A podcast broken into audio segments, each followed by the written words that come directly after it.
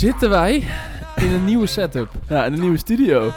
En eh, jouw logopedist die heeft eh, gezegd dat je anders moet gaan zitten, toch? Ja, klopt. Het schijnt goed te zijn voor je stem en voor je spraak. Is dat, is dat ook wel waarom we zo zitten nu? nee, is dat niet al- is zo ingedeukt? Zo. Nou, die stoelen waarin we zitten, dat was niet heel erg goed voor je Nee. middenrif. Want alles wat met spraak te maken heeft, heeft te maken met je middenrif. En dat moet goed ruimte krijgen. En dat is in die stoel natuurlijk helemaal niet zo. want Nee, er zat heel erg naar achter geleund. Ja. Ehm, maar hier is dat wel. En eigenlijk om het nog beter te doen, zou je op het puntje van je stoel moeten gaan zitten. Ja, Ja, actieve houding. precies. Maar goed, we Rug moeten ook niet overdrijven. Want Nee. deze, deze stoelen zijn best wel goed. Want die ondersteunen je rug heel goed. Het zijn fantastische stoelen. Shout-out naar... Nou, ja, eh, ik zeg- wou het ja, zeggen. Misschien moet je even shout-out doen naar waar die eh, vandaan komen. naar Erasmus Center for Entrepreneurship. Dank daarvoor. Echt waanzinnig. eh, Echt wel. Die tafel is De tafel trouwens ook, hè? loei en loei zwaar. Ja. Je hebt nog een eh, mooi litteken gegeven aan de muur met het versjouwen van die tafel. Ja. ja, het is, wel, het is echt een boardroom t- tafel. Mooi ovaal. Ja, we zijn trots. En dit is een beetje wat het begin inluidt van de nieuwe studio. Want ehm, we zijn voornemens om dit een beetje aan te kleden hier zo. Ja. Dus bij deze ook eh, oproep aan, aan David de Goede om ons daarbij te helpen. Die ons Als je de podcast luistert. Met alles ophangen. Dus En, nee, dus- we gaan de muur verven aan jouw kant. Misschien aan mijn kant, maar denk ik niet. Eerder aan jouw kant. Ehm, en nog wat dingen ophangen. Ja. ja, gewoon een studio bouwen. Een beetje een decor, een set. Ehm, Ja, Want ehm, het is ook wel leuk dat we dan nu zo beginnen in een soort van lege set. Want Ja. dan kun je ook dat, eh Ja. ontwikkeling zien. ja, Eh, het is wel even aanpassen als je, de, als je deze fragmenten ziet of Ja. eh, video ziet, want het is een even een andere setting. Maar dit is wel echt de, de 1.0 variant. En we gaan daar de komende weken, nou, maanden, wat aan doen. Nou, ik vind het ook wel leuk, want dit nodigt ook veel meer uit tot het uitnodigen van gasten. Ja, En dat is ook nog iets wat we in 2024 ook willen gaan doen. We willen dat meer Ja. mensen betrekken, ook bij de podcast. Want Zeker we krijgen weten. heel veel leuke reacties. Dus, ehm, dus ja, dat komt eh, ook in dit jaar, nieuwe jaar. Ja, we hebben best wel een netwerk op, ehm, nou, op Instagram onder andere van ehm, mensen die zeggen, heel leuk, ik luister de podcast. En dat zijn ook allemaal mensen die toffe dingen doen. Ja, En die we graag hier ook zouden willen hebben. eh, Plus je- zodat we dat verhaal kunnen delen. je kan ook afspraken combineren met opnames, zit ik ineens te denken. Ja, het, het is een eh, fantastisch middel. Maar ja, dat wist ik in eh, 2015 al. Jij was first mover, hè? Je kan zeggen wat je wilt, Ja, maar nee, is ik ook zo. zag heel vroeg de potentie van de podcast. Maar daar gaan we niet te lang over hebben. Goed, we gaan naar de actualiteiten. Want Joh. het is groot feest. Ja, Het is groot feest in eh, het circulaire land. Want waarom is het zo'n groot feest, Loor? Nou, het is aan de ene kant wat minder groot feest. Ja? Natuurlijk door eh, wat politieke verschuivingen. Onder andere Kiki Hagen. eh, Ja. die is natuurlijk uit de Kamer. Eh, dat is heel komt door verlies van, van D66. Goed dat je dat even benoemt, ja. Ja, want er, is, er zijn wat verschuivingen. Nou, we moeten kijken hoe dat, hoe dat gaat ontwikkelen. Ehm, maar als je kijkt naar de Europese Unie, is inderdaad is er dan wel weer een hele mooie stap gemaakt. Ehm, en dat gaat om een wet. Ja, want ik heb het even bij, erbij gepakt. Ik zit in een nieuwsroom van het Europees Parlement. En de titel luidt Deal on New EU Rules to Make Sustainable Products the Norm. Ehm, en eh, met name eh, er zijn drie punten eigenlijk die het samenvatten. Eh, ik begin met de eerste. New e- eco-design rules for products to last longer and be easier to repair, upgrade and recycle. Uh, the ban on destroying unsold clothing and footwear. En footwear wordt benoemd. And sustainability requirements should be prioritized for, for example, steel, textiles, furniture, tires and chemicals. En weet je wat ik het mooie vond aan dat stukje? Want dit is van de, de, de bron, is gewoon de Europese Unie website. Ja, zeker. Ehm, Europees Parlement. Ja. En wat ik zo leuk vond, is dat er dus specifiek ook footwear wordt genoemd. Want eh, je hebt natuurlijk de UPV. ja, Eh, voor de mensen die niet weten wat de UPV is, dat staat voor... uitgebreide producentenverantwoordelijkheid. Even kijken Was het, was. ja, dat dacht ik al. Eh, in ieder geval een wet, net zoals AVG, Ja. waarbij ehm, nou, de, de, de verkoop van de kleding ook verantwoordelijk wordt gehouden voor de inzameling van de kleding. Wat is de Engelse afkorting? UPV. nee, de Engelse. Ehm dat weet ik bent niet. scherp, hè? Nee. EPR. EPR, ja? Extended Pro- Producer Uh, pro- Responsibility. responsibility. Ja. Ja, precies. Ehm, maar dat is natuurlijk een Nederlandse wet. Die is eh, al in volle gang. Althans, volle gang. Eh, net zoals met de AVG. Ja, dat, de- hoe lang zijn we al bezig met de AVG? Heel lang. Heel lang. Maar ehm, nou, de UPV die, die, eh, die, die is in Nederland in gang gezet. Ja, dit jaar, ja, klopt. Om daar iets in te doen. Alleen, mijn, wat het, het punt wat ik wilde maken is dat in de UPV alleen kleding wordt genoemd. En kleding is eigenlijk, als je dat opzoekt in het woordenboek, zegt kleding... eh nou, gewoon stukken, alles. truien, maar Ja. ook schoenen. Dat Ja, hoort ja. bij het woord kleding. Apparel noemen ze dat dan Ja, natuurlijk. Ja. ja. Ik ben dus zo blij dat footwear zo specifiek benoemd wordt, omdat dat dus niet in die UPV zit. Ja. Ehm, en dat had hier natuurlijk ook zo kunnen zijn.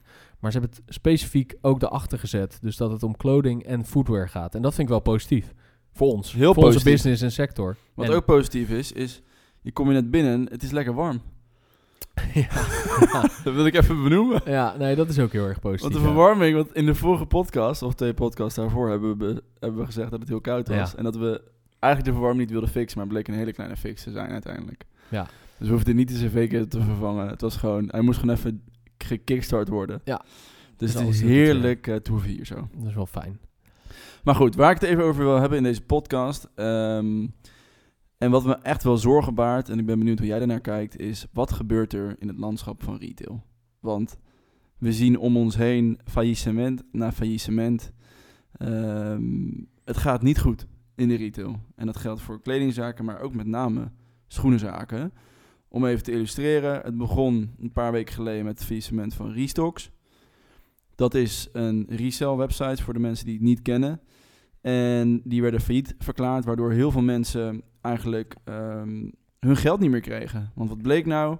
Restocks ehm, heeft hun ehm, ja, het geld wat ze eigenlijk wat de klanten zouden moeten krijgen, of de mensen die hun schoenen verkopen, op een soort van escrow-rekening, derde rekening gezet. En die blijkt dus niet meer toegankelijk te zijn door het fa- faillissement. Leg ik het zo goed uit? Ja, ja nee, ik ken de details niet, dus ik wil daar voorzichtig mee zijn. Ja, dat is een beetje maar wat het is. daar ging het wel om. Ja. Het ging om een cashflow die eh, van, ja, niet, niet van Restocks is, maar eh, van klanten die hun schoenen Ja. bij Restocks verkopen. Want dat, Dat is een affiliate model. En ja, met die, met, die, met die cash is iets aan de hand. En daardoor krijgen klanten niet uitbetaald. Nou, Restocks kan je kennen van Boos. Dat daar kunnen ik denk als mensen het nog niet kenden, dat, dat, dat ze daarvan kennen. Ehm, Toen werd het al behandeld, dat het Toen werd het al duurde behandeld. natuurlijk door de uitbetalingen. Ja, dus daar was, was een beetje, eh, het was wel aan het rommelen deze zomer, eh, was dat. En ja, daar is, daar is, is iets, iets misgegaan met ehm, de uitbetaling naar klanten. En ik denk dat dat opgestapeld is. Maar ook, en dat speelt ook mee, is een veranderende markt eh, in high-end sneakers. Ehm, die ja, overal wel een beetje zichtbaar is. Is dat de jaren van corona, dus 20, 21, 22, ja, daar, daar was, waren de, was de online volume was natuurlijk gigantisch. Want iedereen zat online. En daar zijn heel veel bedrijven op in gaan spelen. Dus Heel meer gaan produceren. Ook, ja. Heel veel drops.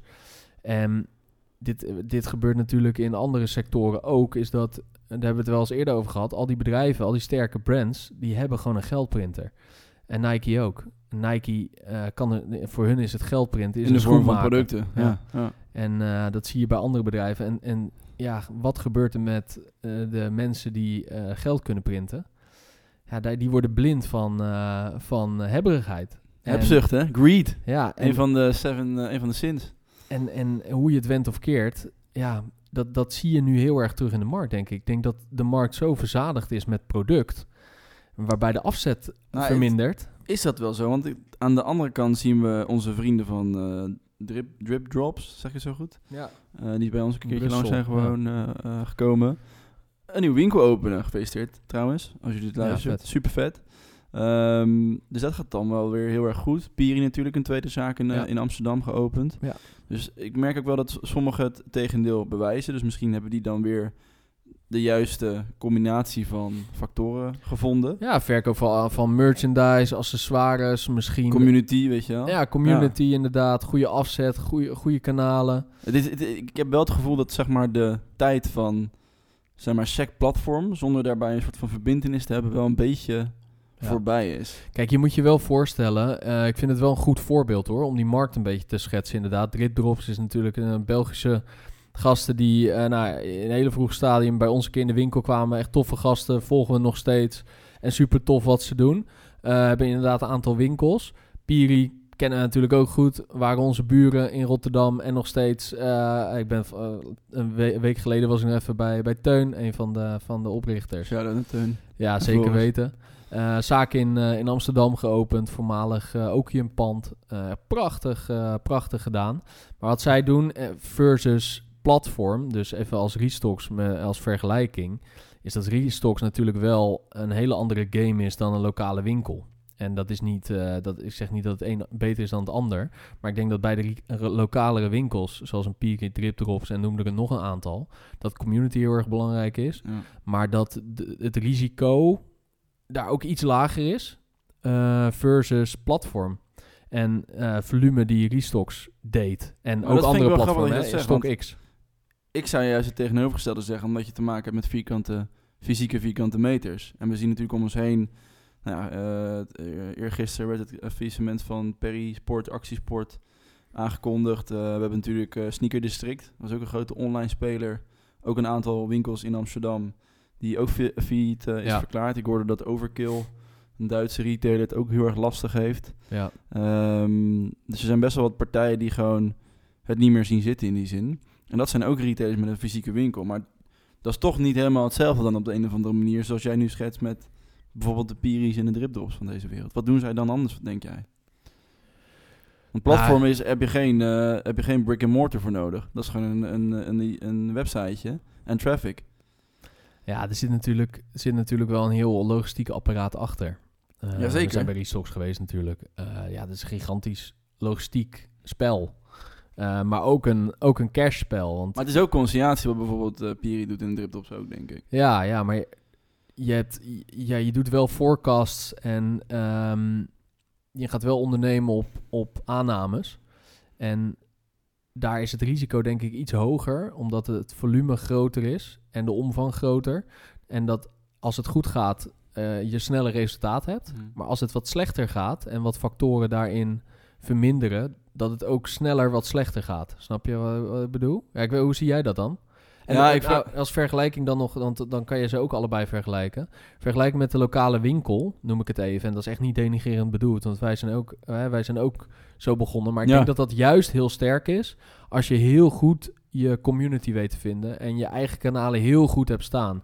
En ik zie dat bij die boys van Piri en ook bij Dripdrops. Ik zie dat zij echt een community en eigen kanaal hebben online. Dat is een specifieke doelgroep die echt bij hun wil kopen. En ik denk dat dat heel erg sterk is. En ik denk dat een resell platform, dat dat wel, dat dat de doelgroep wel anders is en andere redenen heeft om bij hun hun sneakers te verkopen. Daar gaat het gewoon om gemak, snel betaald krijgen en naar veel volume, zodat je je producten die je aanbiedt ook snel verkoopt. Ja, en het grappige is, want ik ben het helemaal met je eens. Want ik denk dat community bouwen en actief zijn op social media ook het, het menselijke laten zien. Wat, wat allebei die partijen die we net eh, benoemden, moeten we niet te vaak benoemen. Want anders moeten we gaan betalen voor dat is deze minuten. We gaan ze niet meer... eh, Ehm, dat die dat heel erg sterk doen. En ik denk dat Resox die boot wel heeft gemist. En eigenlijk uit is gegaan van eh, het begin van die, re- van die resell curve. Toen ze een beetje met, met StockX en, en dat soort partijen ehm meeliften. En wat je nu ook ziet, want ik heb ze volgens mij, ik heb Restox nog nooit op een sneakernus zien staan of bijvoorbeeld of Nee. iets dergelijks. En maar je hebt natuurlijk dat, ehm, dat ene platform wat eigenlijk allemaal, die al die resellers, resellers verzamelt. Ik ben even, even de naam kwijt, daar kom ik, kom ik later nog wel op. Marktplaats? Nee, nee je hebt zo'n zo'n nieuw platform. Ja. Die eh, al die, ja goed, dit heb ik al gezegd. Nou goed, anyways, ik kom er eh, straks op. Zet het in de show notes. Zet het in de show notes. Als je het weet, geef ons even een DM. niet vergeet. Die, eh, die, die verzamelt dan weer ook als een soort van community die, die resellers. Ja. Om die op een podium te plaatsen van, kijk deze gast is. En dat is ook wel weer heel erg slim. Ja. Dus, ehm, dus ik denk zeker dat dat, dat wel van positieve invloed is in Ja. deze tijd waar die markt best wel verzadigd is. En we, voor mijn gevoel, een beetje voorbij die piek zijn in Die eh, in die curve eigenlijk. Ja, ik denk dat er nog twee andere dingen meespelen. Eh, de eerste is diversificeren van eh eh resale-platformen. En, en StockX heeft dat snel gedaan. Ehm, en wat ik daarmee bedoel is dat zij meer productcategorieën zijn gaan toevoegen. Dus zij zijn op een gegeven moment in collectibles gegaan. En eigenlijk is die high-end sneakermarkt is niets anders dan elke andere collectible Eh, je kan dat vervangen met vintage horloges, met eh, trading cards, met eh. Supreme, ja, met art. Weet je, en daar in die categorie zit het. En Stock X heeft dat heel snel gezien. En die hebben snel die stap gemaakt. En Restock zat echt op ja, sneakers. En ehm, zij hebben ook wel, je ziet dat zeg maar de, de, de Panda Dunk altijd hè, het meeste Ja, wordt verkocht. klopt. Want dat kopen de meeste mensen. Ehm, maar ja, er zit waarschijnlijk ook de minste marge op. En ehm, Die is ook het meest waarschijnlijk. ja, Ja. en als je niet die transitie op tijd kan maken en je gaat een beetje te- ten onder aan je eigen succes, waar wij soms ook wel eens voor moeten oppassen al. ehm, en je, ja, je haalt het niet, zeg maar. Je haalt het niet eh, om wat voor reden dan ook. En je kan niet die transitie in om te diversificeren. Ja, dan houdt het op. Ehm, en dat is zonde. Maar ik denk dat diversificeren een heel belangrijk onderdeel daarvan is. Om je nou, markt te verbreden. En dus ook je doelgroep. En meer die community naar je toe te halen. Ook van andere collectibles. En daarbij denk ik ook dat de collectible markt eh, aan zich, dus dan heb ik het over Ja, high-end sneakers, eh, dat daar ook iets aan de hand is. Is dat in corona heel veel eh, financiële invloeden invloed hadden op de collectible markt. En wat ik daarmee wil zeggen is Toen dat de ook de rente... opkomst van de NFT. Ja, eh, ja, dat is ook een mooi onderdeel daarvan. Is dat de hele financiële markt, niemand kreeg meer rente op zijn cash. Dus iedereen was aan het kijken in wat voor assets kan ik mijn cash zetten. Ja. Nou, dat betekende dat de collectible Die gaat me markt... goed zetten. Ja, ja precies. Die gaat mij goed zetten. dat betekende dat de collectible markt, maar niet alleen de collectible markt, maar ook NFT's, eh, crypto, weet je, al dat soort Het assets. is helemaal ingestort, hè, die markt nu, die NFT-markt. Het is echt Ja. insane wat daar ja, gebeurd ja, daar is. kunnen we een hele podcast eh, nog aan wijden. Aan de, de, hoe heet dat, de Bading Ape, eh, of de, de Board Ape dingen. Yacht Club.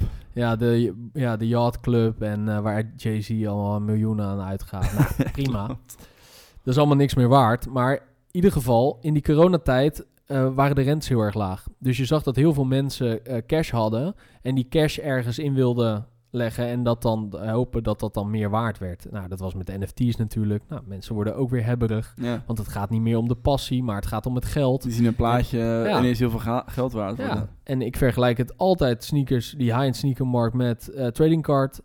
Precies hetzelfde gebeurt in Pokémon, Magic, Yu-Gi-Oh, noem maar, maar op. Iedereen was alleen maar hebberig en die wilde iets kopen en het eh, de volgende dag voor dubbele verkopen. Quick ja, cash. Tegenwoordig, eh, we zien dat wel weer veranderen. Ik bedoel, Bitcoin heeft ook de hoogste positie gehad in 2021 Ja, ooit. ja, zeker. Dat komt omdat iedereen zijn cash in die asset deed. Want je weet, als ik mijn cash op de bank laat staan, wordt het niet meer waard. Ik dus heb waar ook ik mijn eerste instoppen? aandelen gekocht aan het begin van corona, toen alles instortte. Buy the dip zeggen ze wel eens. By the dip. Maar goed, En terug de naar ticket. het... eh, en de ticket, ja. Dus die collectible markt is aan het veranderen. Dat is ook een hele grote factor, denk ik. Want Ehm, hiervoor er zijn er ook platforms geweest, dat noemen ze, ehm, dat was toen eh, Rares, dat kwam toen op. Dat je kon investeren ook in ehm, sneakers. Dus dat je, eh, dat je een soort van aandelen kon kopen in bijvoorbeeld zo'n hele exclusieve Kanye, eh Yeezy, Nike, zeg maar, weet je. Dat, dat, Ja. dat- daar, daar ging het ineens toen, toen om. En ik ben wel Ja. benieuwd hoe het daarmee is gegaan, want die hebben be- best wel wat opgehaald aan funding toen. Ja. Maar goed. Ja, dus dat verschil tussen utility, dus het dragen van een schoen voor eh hetgeen Ja. waar het voor gemaakt is, en het collecti de collectability of ja, een asset om je geld in te zetten dat die meer waard wordt. Ja. Dat, daar zit natuurlijk nog een heel veel groot verschil in. Nou, wij zitten natuurlijk aan de utility kant. Zeker. En eh nou, zo'n Piri zit eh, en, en andere resellers die zitten ja, voornamelijk aan de collectability kant, maar ook wel ehm, utility. Want als je gaat kijken naar sex sneakers, is natuurlijk een Panda Dunk ook iets wat zij veel verkopen. Dat zit meer aan de utility, gaan mensen dragen. Maar een off-white release of een eh, eh, Travis Scott, ja, heel veel mensen laten die in de doos zitten. Precies. Die zie ik heel weinig Ja. mensen zie ik die dragen. Ja, dan zijn ze Ja. fake meestal. Ja, Ja. En logisch, heb jij 1200 eh, euro uitgegeven aan je, aan je Travis Scott eh, resell. Ja, die zou ik ook niet dragen. Nee. Nee, nee toch? Daar loop je niet lekker op. Ja, nog steeds Louis Vuitton kopen, toch? Ja, die ga ik zeker nog eens een keer kopen. ik zweer het je. Ik ga het echt doen. Mark my words, sorry. Mark my words. In deze podcast. Ooit. We gaan het meemaken. Maar goed, we hebben het ook eh, over dus de faillissementen van de eh, bekende namen in de winkelstraat die we allemaal kennen. Ehm, wat is daar gebeurd? Wat, wat, Die overigens allemaal utility sneakers verkopen. ja, dit Klopt. is geen collectible markt. En ook aan de onderkant van de markt zitten grotendeels. Alhoewel Sneaker District niet helemaal, want het ging echt... Sneaker District was wel echt de eerste, denk ik in Nederland, die het stukje ehm, sneakers en e-commerce op een hele goede manier combineerde. Ik heb daar ook meerdere keren sneakers besteld. Kan je daar iets Ehm, over vertellen? Want uit jouw eigen ervaring, want je zei dat inderdaad toen we hoorden dat zij eh, dat het niet goed ging. Maar toen zei je van ja, ik heb daar vaak besteld. Ja, ik heb daar in, in de jaren, denk 2013, 14, 15, heb ik daar wel echt vaak eh, sneakers besteld. Omdat ik gewoon heel goed getarget werd op mijn eh, socials. Dat was toen nog eh, Facebook, denk ik. Huis was al passé. Ja. heel erg passé. En dat was gewoon de place to be. Daar kochten mijn vrienden ook schoenen en sneakers. Dus, Dus zij waren goed in online advertising. Precies, Zij dat- snapte Facebook. dat- zij waren als een van de eerste daar heel goed in. En dat zag Nike toen ook. En die hebben toen best wel de- snel, denk ik, hun die licentie gegeven. Ehm, en toen in dat, diezelfde periode kwam natuurlijk Zalando heel erg hard op. Dat waren toen die reclames, weet je. Dat, dat ze aanklopten en dat die consumenten dan gingen gillen als Ja. dan de Zalando bezorgd kwam. Echt legendarische reclames. Die kent iedereen nog wel. Ehm, maar ook zij ehm, hebben te maken gekregen met natuurlijk corona eigenlijk. Dat heeft zo'n gigantische reset betekend voor eigenlijk alles wat we kennen. Niet alleen natuurlijk nou, eh, op gezondheidsniveaus, maar ook in de markt. Want daar gingen mensen ineens extreem veel online bestellen. Dat zag je denk ik Sneaker District ook en Nike ook. Ja. En En ik ben er bijvoorbeeld op TikTok achter gekomen dat de aarde gewoon plat is. In die tijd. dat is ook, dat wel was ook, een- dat was ook een mooie eye-opener hoor. Dat is bizar. Dat is echt, ja, ik kwam het op TikTok Ik wist het ook niet. Ik Nee. de tijd eh, geloven in eh, Copernicus. Hoe heet die gozer? Dus er is veel, ja, veel veranderd in corona, ja. maar goed. eh dit moeten mensen niet serieus nemen overigens hoor. Nee, zeker. Maar goed, ehm, dus dat heeft ervoor gezorgd dat Nike dacht van... Ja, maar ho is, we raken onze spullen ineens aan iedereen kwijt. We Ja. gaan ineens uitverkopen. Dat is niet de bedoeling, want we moeten meer winst maken. En iedereen heeft toen geforecast in die tijd op een, ehm, op een soort van blijvende groei. Wat betekent forecast trouwens? Voorspelling. Ah, Dus iemand eh, heeft, eh, maakt een, eh, een forecast, zo heet het in, de, in, de, in het jargon... over wat, wat, wat, Wat denken we te gaan doen? wat denken we te gaan verkopen. Ja. En dat eh, moeten ze natuurlijk doorcijpelen in de productie, maar ook in de inkoop. ja. En ehm, het werkt een beetje hetzelfde. Ik heb wel eens vaker dat voorbeeld van mijn eh, oom. Die eh, was hiervoor Citroën-dealer. En ehm, die kreeg heel veel druk van de fabrikant om zoveel mogelijk auto's af te nemen. En als je al die auto's afnam, kreeg je een bonus. En die bonus was eigenlijk het enige wat veel van die dealers nog staan hield. Dus met andere woorden, jij moest eigenlijk weer een nieuwe lijn van, weet ik veel, eh, auto's kopen. Citroën weet ik C1. veel, C1, noem maar op. en ehm, dan had je ze nog helemaal niet verkocht. En wat ze dan deden, die dealers, dan zetten ze, op, zetten ze alvast op een naam, op naam gewoon. Eh, heet, zo heet dat. Dus dan was- waren ze op papier eigenlijk verkocht. ja. Maar dan moesten ze die auto's nog wel ergens wegkrijgen. En die, die werden dan ver onder de verkoopprijs verkocht. En dan Ja. hielden ze echt... Nou, dan heb je een auto van... verkoop je voor eh, 30.000 euro. Hou je misschien 3.000 euro over. Geen grap. Ja. Maar door die bonussen die ze kregen van de fabrikanten... voor het afnemen van die schoenen... Of van die schoenen, van die auto's...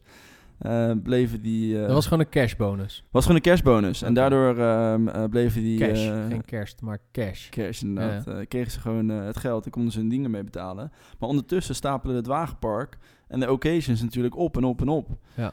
Waardoor er gewoon veel te veel auto's werden. Maar dat geeft toch ook een super disbalans op je balans? enorme disbalans inderdaad. Ja. Letterlijk en figuurlijk. Want je hebt een enorme voorraad. We hebben hele maar die, is- die is op papier al verkocht. Dus het lijkt alsof je goede cijfers draait. Ja, ja, maar dat is helemaal niet zo. Nee, hij staat er gewoon. En daardoor eh, werden die, voor die, die, die auto's werden dan voor echt eh, nou, voor duizenden euro's minder verkocht. En de consument had een gigantisch goede deal natuurlijk. Als ze die aftikte gelijk. Maar ook zo'n sector die enorm in transitie eh, zit de afgelopen tien jaar. Want het is natuurlijk veel meer van het kopen van een auto naar het leasen van een auto. Dus meer een financieel product geworden. Maar kan jij eens uitleggen utility. aan de luisteraar hoe dat werkt met schoenen? Met eh, inkopen en tiers en zo. Nou ja, na, alle brands die hebben bepaalde tiers waarin je zit als retailer. Tier? En, Als in- eh, tier bedoel je zero. Tier, toch?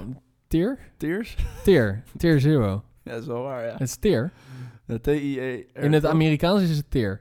Oké. Want ik kijk, eh, ik kijk ook nog andere dingen waar tier ook iets betekent. Dat is Ja? zeg maar hoe goed een Oh bepaald ja, dat deck is waar, ja. En dat is dan een tier zero deck. Ja, en als tier zero is, dan is er eigenlijk niks beter. En dan heb je nog second to none. Dat is dan ook... eh, En dan heb je eh, de graveyard. ja. Maar je hebt, je hebt dus de tiers. Dus eigenlijk Ja. gewoon heb, welke positie heb je? Is dat de allerbeste of wat minder? En eh, die worden opgedeeld in een van tier 0 tot eh nou, aantal, weet- dat weten we eigenlijk Nee. niet. We weten er niet alles zijn. van, maar Ja. wel wat. Wel dat je in een tier zit als je retailer bent. En, ehm, Wat betekent het als ik in tier 0 zit bijvoorbeeld? Kijk, en misschien is het ook wel goed om uit te leggen. Ja, dat, dat, dat, eh, dat is goed. Maar misschien is het goed om uit te leggen dat een reseller echt iets anders is dan een retailer. Dat is sowieso. Want de resellers die verkopen eigenlijk tweedehands producten, maar nieuw in de doos. Maar ze, zijn, ze hebben het niet direct van de fabrikant gekregen. Dat zijn de mensen die bots maken doorgaans. En eigenlijk in Nederland heb je een aantal shops die echt al lang meedraaien. Zoals een nou, Patta natuurlijk, Woei in Rotterdam, ook een Benji ehm, in Amsterdam. Je hebt de? Okium. Ehm, Die ken ik niet. ja, dat is een skate eh, Oh. shop. Eh, Maha. maar weet Oh, je, het zijn best wel wat, wat... Maar het zijn relatief kleine winkels, maar die bestaan echt al 20 jaar. Patta bestaat bijna 20 jaar ook. Gefeliciteerd. En eh, die hebben zo'n sterke community, die zijn heel erg belangrijk voor, voor de brands natuurlijk. Dus eh, die hebben ook vaak ja, de beste tier. Ehm, maar daar zitten niet de volumes. ik ben Patta, ik zit in tier 0. Wat voor schoenen kan ik kopen? Ja, de allerbeste. Inkopen. Ja, die iedereen wilt, weet je. De, Ja. de, de, de Patta Wave. En eh, nou ja, dat wa- was dan een collab. Maar ik bedoel van de, de beste Air Max Gewoon de 1. Nike, de, de Air Max, Ja. eh, de Air Forces. Ja. En ook je hebt natuurlijk de Jordans. Precies. ehm, die iedereen wilt. Woei heeft ook alle Air Max, eh, Air Max 90, et cetera. Maar Dus, dan zit ehm, ik in de tier- tier 1 en tier 2, zoals Perry en Actiesport. Ja. Wat voor schoenen zie ik dan? Nou, dat zijn de, dat zijn de, ehm, Nike Court Boros, ja, de Court Borough. Dat is voor de mensen inderdaad die dan niet de Air Force eh, de Air Force Rip-Off. willen kopen, maar die er wel op lijkt. En ehm, nou, Bristol heeft bijvoorbeeld ook dat soort schoenen verkocht. Niet meer. De Eh, Nike Air wel.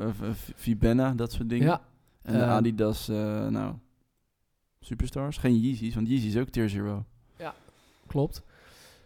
Eh, van Haren verkoopt nog wel, ook van, eh, verkoopt nog wel de Nike Borough. En eh, dat zit nog wel aan de zijn tier. dat eigenlijk de goedkoopste Nike's, die- Nike's die je kan kopen. Ehm, maar goed, al die winkels, zoals een Perry Sport, et cetera, die, die doen wel volume, lijkt me, in die, in die schoenen. Ehm, maar die moeten dat allemaal ook afnemen. Maar blijkbaar niet genoeg, inderdaad. Maar niet genoeg. Nee. Nee. Want wat gebeurt er nou? Nike zegt niks anders dan tegen die retailers: jongens, jullie moeten, en dat is met die auto's, jullie moeten blijven afnemen. Ja. We moeten onze producten kwijt. Anders schrappen we jullie van onze inkooplijst. Heel Ja. simpel. En dan kan je geen Nike verkopen. En als je geen Nike hebt in deze wereld, betekent dat eigenlijk niks anders De dan helft van je omzet weg. de helft van je omzet, inderdaad. Betekent dat het einde, want dat was bij Sneaker District ook het geval. Die hadden vanaf halverwege dit jaar volgens mij ook geen Nike's meer. En dan moet je toch hebben van de Yeezys of zo, als je die mag verkopen. Dus het wordt dan heel erg lastig. Eh, dan heb je nog geluk dat New Balance nu natuurlijk een opkomend merk is. En dat is wat makkelijker te verkrijgen volgens mij. Ehm, maar dat is dus wel, dat levert heel veel druk op voor die retailers. Die moeten blijven inkopen bij een Nike en een Adidas. En daardoor gewoon ontzettend veel liquiditeit moeten ophoesten. Ja. En heel veel vooraf moeten investeren in een voorraad waarvan ze niet weten of het uitverkoopt. En je bent een jaar verder aan het inkopen. Precies, dus je aanbod groeit veel harder dan de vraag blijkt. Want ja, we kregen een inflatie, eh, enorme inflatiestijging. er was een Hogere energiecrisis. Ja. En, er, en er, er ontstond een oorlog in, in Oekraïne. allemaal- Boodschappen, grondstoffen, eh, eh, energie, gas, alles is duurder. Dus daardoor dachten mensen, nou, ik koop deze maand misschien één paardje sneakers in plaats van drie. En als heel veel mensen dat allemaal tegelijkertijd eh, bepalen, besluiten, dan heeft het een gigantische invloed op je omzet. Waardoor partijen zoals eh Perisport, Actiesport, eh, dat soort partijen gaan omvallen. Ja, dus mensen geven... 1100 banen, hè? Ja, ja het is, eh, en, en daarbij komt ook nog eens dat fysieke retail natuurlijk echt ja, op het randje van de afgrond staat. Ja. Ehm, en dat komt ook door allerlei, voor allerlei factoren. Die, die allemaal, het is eigenlijk een shitstorm. Ehm, wat een, zeg maar, een perfect shitstorm is het eigenlijk. Dus alle, alles werkt zeg maar niet mee. Nee. En heel veel ondernemingen en, en grote ondernemingen... die kunnen echt wel wat incasseren. Hè? Die, die hebben wat vet op de botten. Maar goed, we hebben ook corona achter de rug. Dat soort winkels zijn misschien ook... eh, een aantal filialen zijn gewoon eh, twee jaar... eh, misschien een paar maanden open geweest. Die hebben steun gehad wellicht, die ze moeten Steun terugbetalen. gehad, belastinguitstel. Weet je, het is echt een perfect shitstorm... van allerlei factoren... die En nou weet niet... wat eh, Churchill zei, hè? Nou, Never waste a good crisis. Ja, nee, zeker. Eh, dat is, dat is de, de positieve noot daarin. Maar het is een perfect shitstorm aan allerlei dingen die niet meewerken. En eh, ook nog eens een consument die geld anders gaat uitgeven. ehm, of die gewoon minder te besteden heeft. Dus ja, dat, ehm, dat leidt ertoe.